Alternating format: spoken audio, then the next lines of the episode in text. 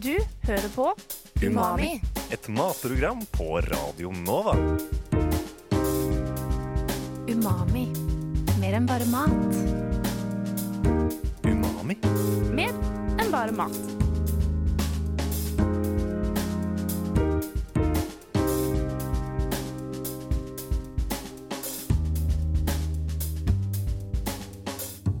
Umami. Mer enn bare mat.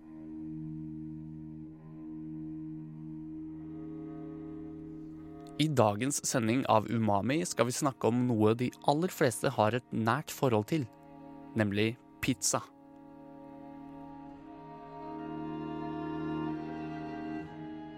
Helt ærlig så kan jeg spise pizza flere ganger i uken uten å engang bli litt lei. Men samtidig har jeg også blitt kresen på hva slags pizza jeg spiser. Det er en enorm forskjell på fastfood-pizza og en god hjemmelagd italiensk pizza med gode, gjennomtenkte råvarer, og som kanskje til og med er bakt i steinovn. Men hvordan kan en porsjon med stekt brød, saus og topping være så utrolig godt når det i prinsippet ikke er noe mer fancy enn et enkelt ostesmørbrød? På internett kan du lese side opp og side ned om 'slik lager du ekte italiensk pizza' eller 'perfekt italiensk pizzabunn på 1, 2, 3'. Men hva er det som gjør akkurat den italienske pizzaen så ettertraktet? Vel, mye kan nok ha å gjøre med bruken av gode råvarer. Deigen i seg selv er ikke så altfor spennende, så toppingen spiller virkelig hovedrollen i en god pizza. En kjapp titt på menyene til noen av de bedre pizzarestaurantene i Oslo avslører at det brukes både VM-vinnende oster og eksklusivt kjøtt, som blant annet salsiccia-pølse fra frittgående svartskogsvin på en av pizzaene til Villa Paradiso. Hos Lofthus Samvirkelag får man en pizza med carpaccio av reinsdyr fra Røros sammen med granateple og rødløk. Men når begynte vi egentlig å spise pizza her til lands? I Norge dukket pizzaen opp på 1960-tallet i Oslo. På denne tiden var italiensk mat populært i hele Europa. På 1970-tallet får vi Norges første pizzarestaurant, Peppes Pizza på Solli plass, og på 80-tallet dukker det som skulle vise seg å bli en slags norsk nasjonalrett opp i butikkhyllene. Noen sjefer i stabburet hadde vært i USA og smakt pizza, og kom hjem med ideen om at de også ville lage en pizza her til lands. De ga daværende produktutvikler i stabburet, Ruth Romskau, oppgaven i å lage en pizza som skulle stekes hjemme på kjøkkenet til folk. Og dette viste seg å være en god idé. Den svært så berømte pizzaen fra stranda på Sunnmøre skulle ha en fyldig og god tomatsaus som ikke var for sterk, og den måtte ha den rette osten. I dag er Grandiosaen like populær som alltid. Den er en viktig del av den norske folkesjela, og i 2018 ble det solgt 25,8 millioner av den populære pizzaen. Omsetningen på frossenpizza har ifølge meningsmålingsbyrået Nielsen steget hvert år siden 2008. Frossenpizzaen står altså fortsatt meget sterkt, selv om mange kanskje har et hat-elsk-forhold til den lettvinte middagsmaten. Men det er kanskje ikke så vanskelig å forstå hvorfor så mange kjøper frossenpizza. Det er billig, det tar kort tid å tilberede, smaker greit, og man slipper unna en masse oppvask. Og i en hektisk hverdag er det faktisk noe av det her som kan gjøre at eh, hverdagen går litt lettere rundt. Men pizzaens opprinnelse starter lenge før Peppes og Grandiosaens eventyr på 70- og 80-tallet. Faktisk må vi tilbake til antikken, hvor det var vanlig i forskjellige kulturer å spise flatbrød med varierende topping. Den moderne pizzaen dateres derimot til slutten av 1700-tallet i Napoli i Italia, der gjærbasert flatbrød ble blandet med tomat blant fattige i byen. Pizzaen skulle snart bli en populær turistattraksjon i Napoli, og ble etter hvert dekket med tomatsaus og andre ingredienser som ost, grønnsaker og kjøtt, og ble bakt i vedfyrt ovn. Pizzaen fikk status som en lokal spesialitet i Napoli, og ble mot slutten av 1800-tallet spredt videre ut i verden med utvandringen fra Italia til steder som New York og Sao Paulo i Brasil. Men hva så med den norske gatekjøkkenpizzaen? Den tykkbundede, liksom-amerikanske fyllesykekulen med råvarer som pepperoni, skinke, kjøttboller, kebabkjøtt, hermetisk sjampinjong, mais, bearnés og ekte norvegiaost, som du får kjøpt på steder som Bobos pizza på Bøler eller Hei Sjef Pizza på Alexander Kiellands plass. Vel, den er langt ifra død. Den eksisterer fortsatt i hver eneste lille krik og krok av vårt langstrakte land, like stor og deigete som alltid. Men hvorfor er ikke den bra nok? Må alt vi spiser inneholde trøffel eller karamellisert aspargeskum eller tartar av et eller annet eksklusivt viltkjøtt fanget for hånden av en italiensk jeger? Vi nordmenn har endret oss i løpet av de siste 20 årene. Vi har blitt litt mer kresne på ting som kaffe, vin, ost og kjøtt, og tenker kanskje litt mer på kvalitet fremfor pris og kvantitet. Og da er det kanskje naturlig å ønske seg en pizza med litt fancy råvarer?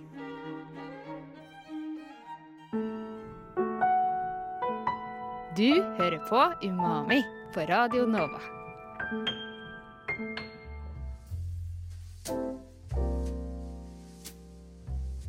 Umulig er spalten der vi tester fastfood på jakten etter hurtigmat som er litt mer bærekraftig enn den klassiske kebaben eller dobbel cheese på Mækkern.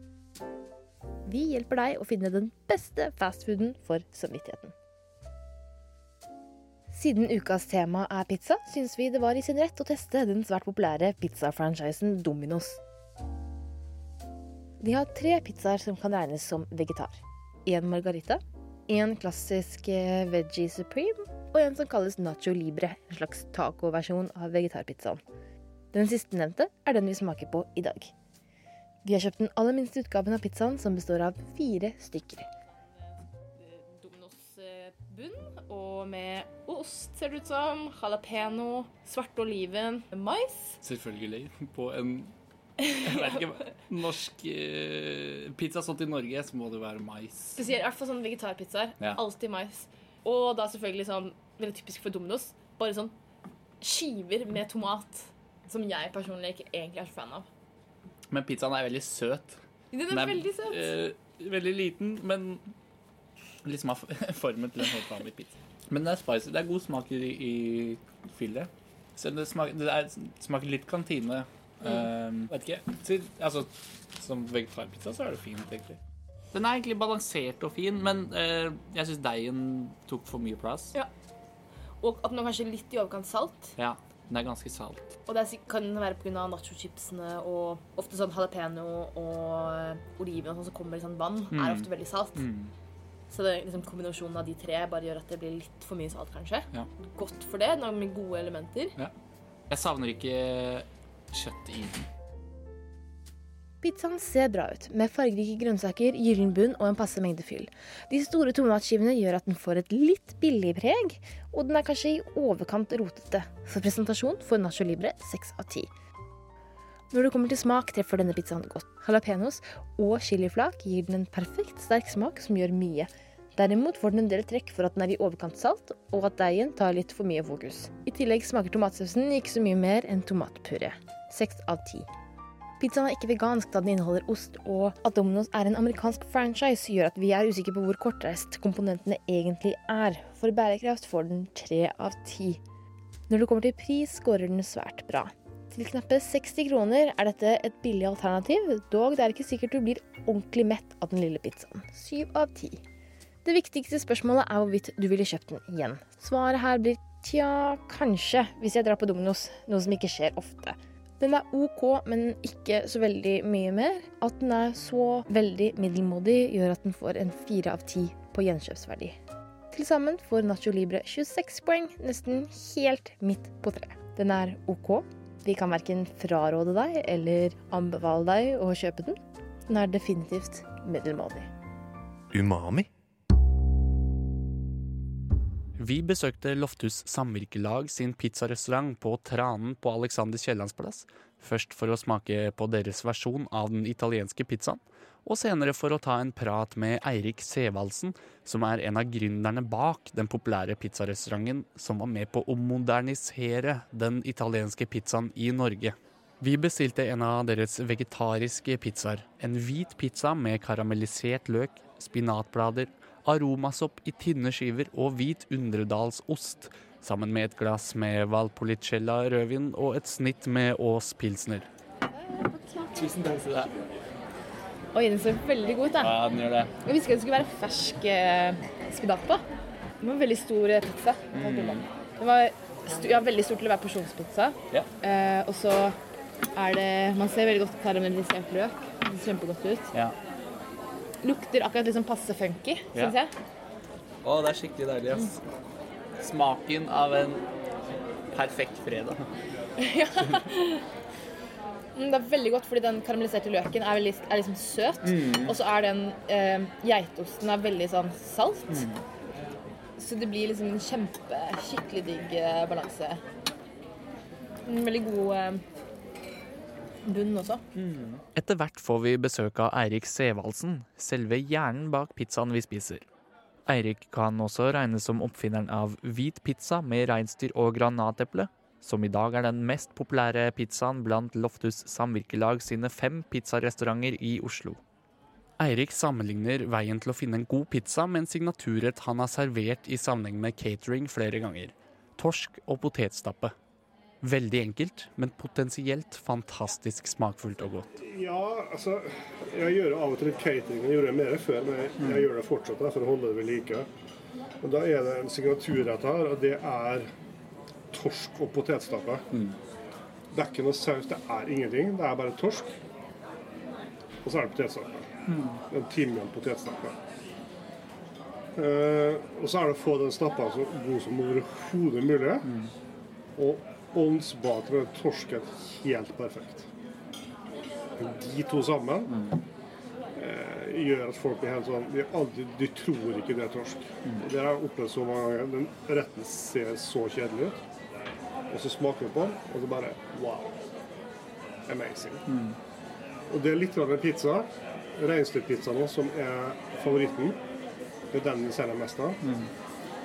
Eh, Den etter sånn La oss si at jeg laga 50 pizzaer da jeg har stått og eksperimentert. Og så var vi på kjøkkenet til Eivind. Klokka begynner å nærme seg tror jeg, tre på natta. Jeg har sikkert drukket fire flasker vin, i hvert fall. Holdt på helt siden ni-ti om morgenen. Og så ligger det så at jeg har mer deig jeg må eksperimentere mer. Så går jeg i kjøleskapet til Eivind, der ligger det tre reinsdyrstykke. Så har han ett granateple. Da tenker jeg bitterstoff og reinsdyret, den lille villsmaken og sånn. Til det litt syle, litt sødmefylte eh, granateple. Det tror jeg kanskje kan funke. Fem minutter, bang satt den, bestselger. Tjent millioner på den. Men så sjømatpizza er jeg fortsatt ikke fornøyd med. Holdt på i over 20 år. Ja, hva, hva er det som skjer? Hva, hva tror du det kommer av? Kjartan Kristiansen er kjempeflink til å lage musikk. Med Splitter Pine, som har blitt den kjempestore hiten. Det er ikke lett å lage Splitter Pine hver dag, altså. Det er, det er tilfeldigheter vet du. men du må ha en musikkforståelse eller en matforståelse eller en umami-palett. Eller, ja. Vet, vi som er i kokkeverdenen, vi liker å stjele, og vi liker å bli stjålet av. I motsetning til musikk- og bokbransjen. Der er det rettssaker hele tiden. Motpallsrett og i it det å bli kopiert i kokkeverdenen er en hedersbetegnelse. Så klart, jeg stjeler litt av det fra Italia i en form, og så går jeg til Napoli, går jeg til Roma, så hvor går jeg i, i Sove? Så hvilken type pizza går jeg for? Så jeg tar litt herifra, litt derifra, og så tenker jeg at jeg vil ha en bunn da, som er ikke så tynn som den napolitanske. Jeg vil ha mer eh, litt Roma, litt Napoli, sånn, så det er litt crunch, litt å smake på. Og så er det bare å tenke som en kokk. Hva passer på? Så Derfor går jeg én to i året så går jeg på trestjerners Michelin-restaurant. og Får en 20-retter. Så tenker jeg at den smaken her, den tror jeg kan passe med den. Det henter inspirasjon, da. Og inspirasjon kan du hente fra alt fra McDonald's da, til en trestjerners restaurant. Du bare liksom shoppe. Du kan lære logistikk på de plasser. Du kan lære tempo, du kan lære smak. Hele den biten der. da. Så plutselig har du en uh, god kombinasjon. Men det er Vi har jo valgt å gå for ekstreme råvarer. Altså vi, vi har jo råvarer som Michelin-restauranter kunne ha brukt. Det er de beste ostene. Det er fra Mons, det er fra Nils Jarl. Det er masse norske fra Pascal, Kraftkar, Phoenix, uh, Ysteri i Stavanger. Så vi søker lokalt. Finner de vi det ikke lokalt, går vi globalt.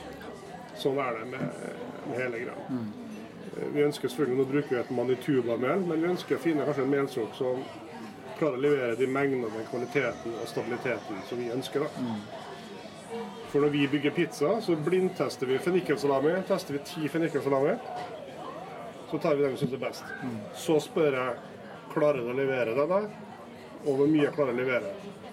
Ja, det klarer jeg. Og det siste er pris. Mens jeg tror de fleste begynner på prisen og ikke kvaliteten. Og jeg tenker som regel, jeg er ikke noe sånn politisk korrekt at jeg tenker at det skal være biodynamisk, øke alt det der.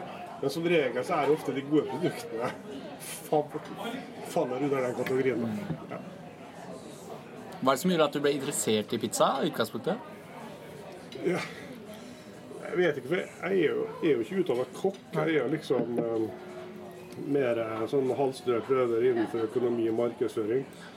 Uh, men jeg er født og oppvokst i en generasjonsbolig der eh, mormor og morfar drev frukt- og godteriforretning.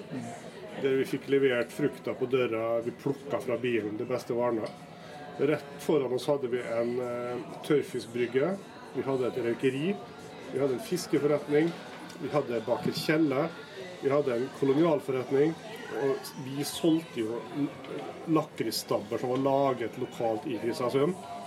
Så hadde vi slakter Røsberg, som, så jeg har aldri sett plastikk på maten i hele mitt liv. Jeg hadde alltid med tørrfisk, friske epler, ferskt kjøttpålegg, deilige ting, brød fra bakeren, på skolen. Hele min barndom har vært helt fantastisk, og oppveksten med mat og det hele. Så gikk vi innover i, på slutten av 70-tallet 80-tallet, en, slags sånn degenerering på mat. da, Med prosessert mat, plastikk rundt. Sant? Ja, nå er jeg forska så mye på plastikk og østrogen kontra testosteron. Altså, det er jo østrogenfremkallende, for PCB står for i plastikken. Du kan se på danskene som eh, bruker kjemikalier. Det er jo ikke fertil noen av det. Alligatorene Alligatoren i Florida er jo tvekjønna hele gjengen. Så det er sånn Mye skjedde dårlig på veldig kort tid. da. Så når du da, For å svare på spørsmålet, så er det nok min barndom som kommer igjen. For jeg syns det var så ræva dårlig den pizzaen. Så. Det var så mye pizza at dette må vi gjøre noe med. Så traff jeg Øyvind. Jeg holdt på for meg selv. Eivind hadde drevet noen år med oppvaker, Så tenkte vi ja. Så prøvde vi å lage, men du vet jo aldri om noen liker det du lager. Men det gjorde det. Og jeg laga det de hvite pizzaene jeg er kjent for. Mm. Selger dere mer av de hvite pizzaene nå enn de røde, tror du? Vi begynte så var det 60% rødt og 40% hvit. Nå tror jeg vi er på en 70 hvitt og 30 rødt. Nesten det. Det har også litt med å balansere mat. Det er kanskje lettere å finne på gode kombinasjoner på hvite. Litt lettere. Vi bruker veldig mye sitronzest, sitronsaft. altså etter hvert som man utvikler smak, da, for smak må læres. Jeg er også ekstremt interessert i, i musikk. Man må også lære seg til å lytte med musikk. Folk tror ikke det, man må lære seg å se, lytte. Det det er krevende. Det tar lang tid. Vite hva man skal lytte etter. Så ja. Det er greia. Folk har endra seg. Dere har kanskje vært med på, på det å snu denne trenden? Eh, Jeg tror eh, når vi starta for ni år siden med pizza, mm. så gjorde vi det. Tror nok det satt en liten sånn Hva er det de holder på med, disse tullingene på Torshov? Det er ikke skilt ut av ingenting. Så har vi jo alltid fått strålende kritikker. da. Vi har fått panegyriske kritikker til tider. Helt eh, wow. Så fortjent eller ufortjent, det vet ikke jeg, men eh, Så det har vært hyggelig. ja. Er det noe du tenker ikke passer på en pizza? ananas og egg og alt det der fra boks, da. Eh, Det er ikke helt min greie, altså. Eh, Men jeg prøver selvfølgelig hele tiden å presse det. Så på sjømat så har jeg, har jeg, fond, så har jeg bruker jeg fersk wasabirot som jeg maler opp fint, og som kjører litt inn i hvite sausen for å få det lille stinget. Med litt kamskjell og slike ting. da. Problemet er at du, du, du, klarer ikke å ta betalt for det, for det er så dyrt og det blir så høyt svinn. Men pizza burde da koste 300 kroner. Tror du at folk klarer å lage sånn pizza som dere lager her hjemme? Eller krever det liksom viss type utstyr og kompetanse for å gjøre det? Det krever vel ekstremt lite utstyr. Altså Det krever vel nesten eh, null utstyr. Altså Du har knapt nok en pizzaspanne, liksom. Så det er fullt mulig å lage dette hjemme. Så du bare er litt kreativ og tenker på. Og så har jeg skrevet to pizzabøker, så man kan jo hente tips derifra. Har en dame på fem måter på Kløfta som ringer meg og lager, lager absolutt alle oppskriftene. Er helt sånn hekta på, på pizza. Da. Og så er det av og til å spise, så er hun litt forbanna, for hun syns ikke hun får det til like bra, da, men hun gir seg ikke. Ja. Så det er fullt mulig. da, Så er det mulig å lage mange enkle varianter. Altså bare, bare pizzabunn med nykverna pepper og salt og litt olivenolje på er jo godt som snacks liksom. Mm. Koster ingenting. Nei, skjønner du. nei. Ja, Det er en grunn til at folk spiser pizza. Det er jo godt, det. Ja. Jeg vet ikke om noe sånn brød det ligger helt sånn latent i mennesket. Jeg vet ikke hvor mange tusen år vi har spist brød, men det er et eller annet med det der Jeg leste at pizza eh, første som de har funnet sporet, er liksom 7000 eh, år siden. At de begynte å steke flatbrød og ha ost på. Ja. Så det er jo i, i flere forskjellige kulturer også, så det strekker seg veldig langt tilbake. Pizza er egentlig en fattigmannsmat, for man har ikke tallerkener. Så pizzaen utgjør en tallerken, så hadde man restene på oppå. Var en fin måte å spise på. Som disse, disse sjøgrytene fra Marseille osv. som var mm. restemat. Det er jo eh, Jeg tenker alltid pizza og øl som en god kombinasjon. Litt sånn uh, inspirert av Amerika. Fotball, pizza og øl-aktig. Men uh, her selger dere veldig mye vin. Har du noen tanke om, uh, om det? Passer vin og pizza godt sammen? Jeg liker liker, foretrekker jo vin. Eh, og jeg har ikke noe sånn at det må være italiensk vin. Og hvis du ser på vårt vinkart, som er egentlig helt ekstrem, så er det jo er det jo Burgund vi har flest viner. Men det er på spesialkartet. Eh, Volumet vi selger, er jo, er jo italienske viner. Altså Valpolicella, altså klassiske sorter. Da. Eh, Men det er jo For det første så er det jo Du skal matche smaken mot f.eks. tomater. Det er ikke alltid like enkelt som en vin som balanserer det. Men jeg syns jo det vin passer utrolig godt til pizza. Det er bare en pikante, litt kraftig rån, litt lettere pizza, valpolicella. Ja. Nå begynner jo spanjolene å lage veldig, veldig god vin. Ny generasjon, mer stålfat, lettere. Ikke så mye eikepreg som før i tida. Min, ge- altså min foreldregenerasjon skulle ha to svære, masse eik. vet du, og sånn Rioja-viner. De har toppen av lykke. Det blir for heavy for de pizzaene vi lager. i hvert fall. Både rød og hvit vin passer eh, til rød og hvit eh, bunn. Det er litt sånn som ost. da. Mange tenker liksom ost og rødvin, men det er flere som setter pris på hvitvin til ost, f.eks. Så er det mye lettere. altså Det er mindre sukkergehalt. eh, Den holder gjennom måltid lengre. Du får lyst på et glass ekstra. Fint for oss som driver business. Ja. Hele den prosessen der. da. Spiser du noen gang en frossen pizza? Nei. Nei, OK. Aldri. Nei. Hva med sånn Peppers eller Domino's? nei. Nei. Men jeg, jeg går og spiser pizza på Jeg får hele tiden som forslag at han lager god pizza. Der lager man god pizza. Så går jeg og prøver, så tenker jeg av og til det kunne vært artig å smake en Grandiosa, for jeg tenker at kanskje den er bedre enn det jeg var smakte på restaurant. For det er altså så ufattelig mye dårlige produkter ute. Helt hinsides. Så jeg, jeg vet ikke hvorfor det hele tatt har starta pizza, om det er bare sånn De har i hvert fall ikke starta med hjerte og hode. Det må være noe helt annet som driver det. altså. Hva er, det, hva er det som skal til for at de lager en dårlig pizza? Har du noen tanker om det? Er det dårlig Det er, råvarer? Liksom? det er så dårlig. Altså, jeg, jeg visste ikke at bokssjampinjong eksisterte mer, Ja, f.eks. Og jeg tenker at det må jo være dyrere å åpne den boksen og håndtere metallet enn å gå og kjøpe fersk sjampinjong. Og bare kutte det opp. Altså, det er en del ting jeg ikke forstår. Jeg, jeg forstår ikke potetstappe på pose. Hva faen er det for noe? Du kan koke en potet, så kan du lese en avis og bli litt smartere. Og så når den poteten er ferdigkokt, så tømmer du vannet og så stapper den, liksom. Altså arbeidsprosess, Det tar ett og et halvt minutt å lage en god potetstappe. Så det er akkurat samme er med mange av disse ja, pizzaene. Jeg syns det er helt grusomt. Men etter vi har starta, så har det kommet flere og flere gode pizzaer. Vi eksperimenterer mer og mer med pizza. bruker mandelpotet fra opptak på pizzaen. De bruker eh, litt rogn, norske råvarer, oster. ja. Det fine med dyre og gode råvarer er jo at du bruker så mye mindre av det. En dårlig ost så det blir jo ikke noe bedre om du har på uante mengder. Men det er et eller annet sånn helt absurd i Norge at du skal ha så mye ost på pizzaen. Du skal gjerne ha rømmedressing. Det er ikke måte på hva du skal, med svineriet du skal ha på den pizzaen. Altså. Mens vi jobber jo mer, mye mer enkelt. da. Men tro meg, du blir mett av en pizza hos oss. altså. Du hører på Umami på Radio Nova. De fleste som har laget pizza hjemme, vet at det er nesten helt umulig å gjenskape konsistensen og smaken til en god italiensk pizza på sitt eget kjøkken. Det var i hvert fall det jeg trodde, helt til jeg oppdaget en video på YouTube som viser hvordan en av gutta i The Flying Culinary Circus lager perfekt italiensk pizza på noen få minutter. Og her får du oppskriften.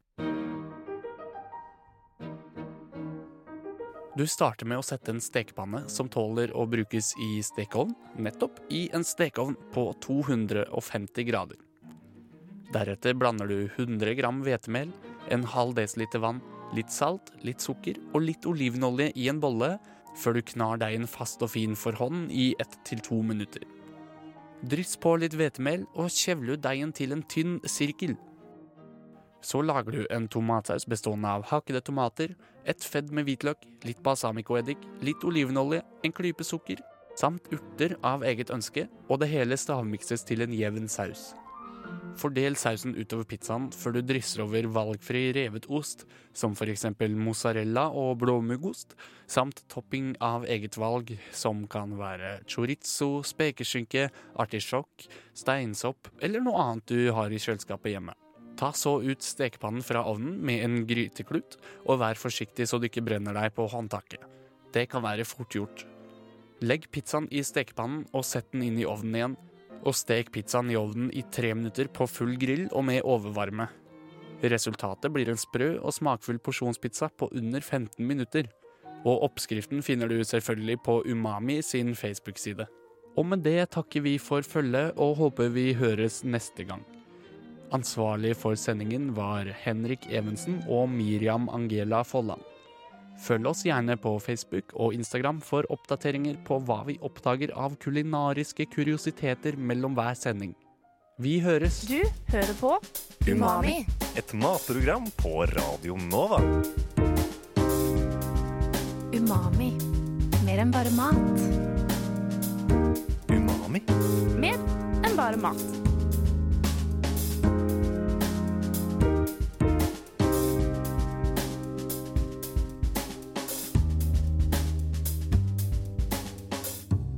Umami mer enn bare mat.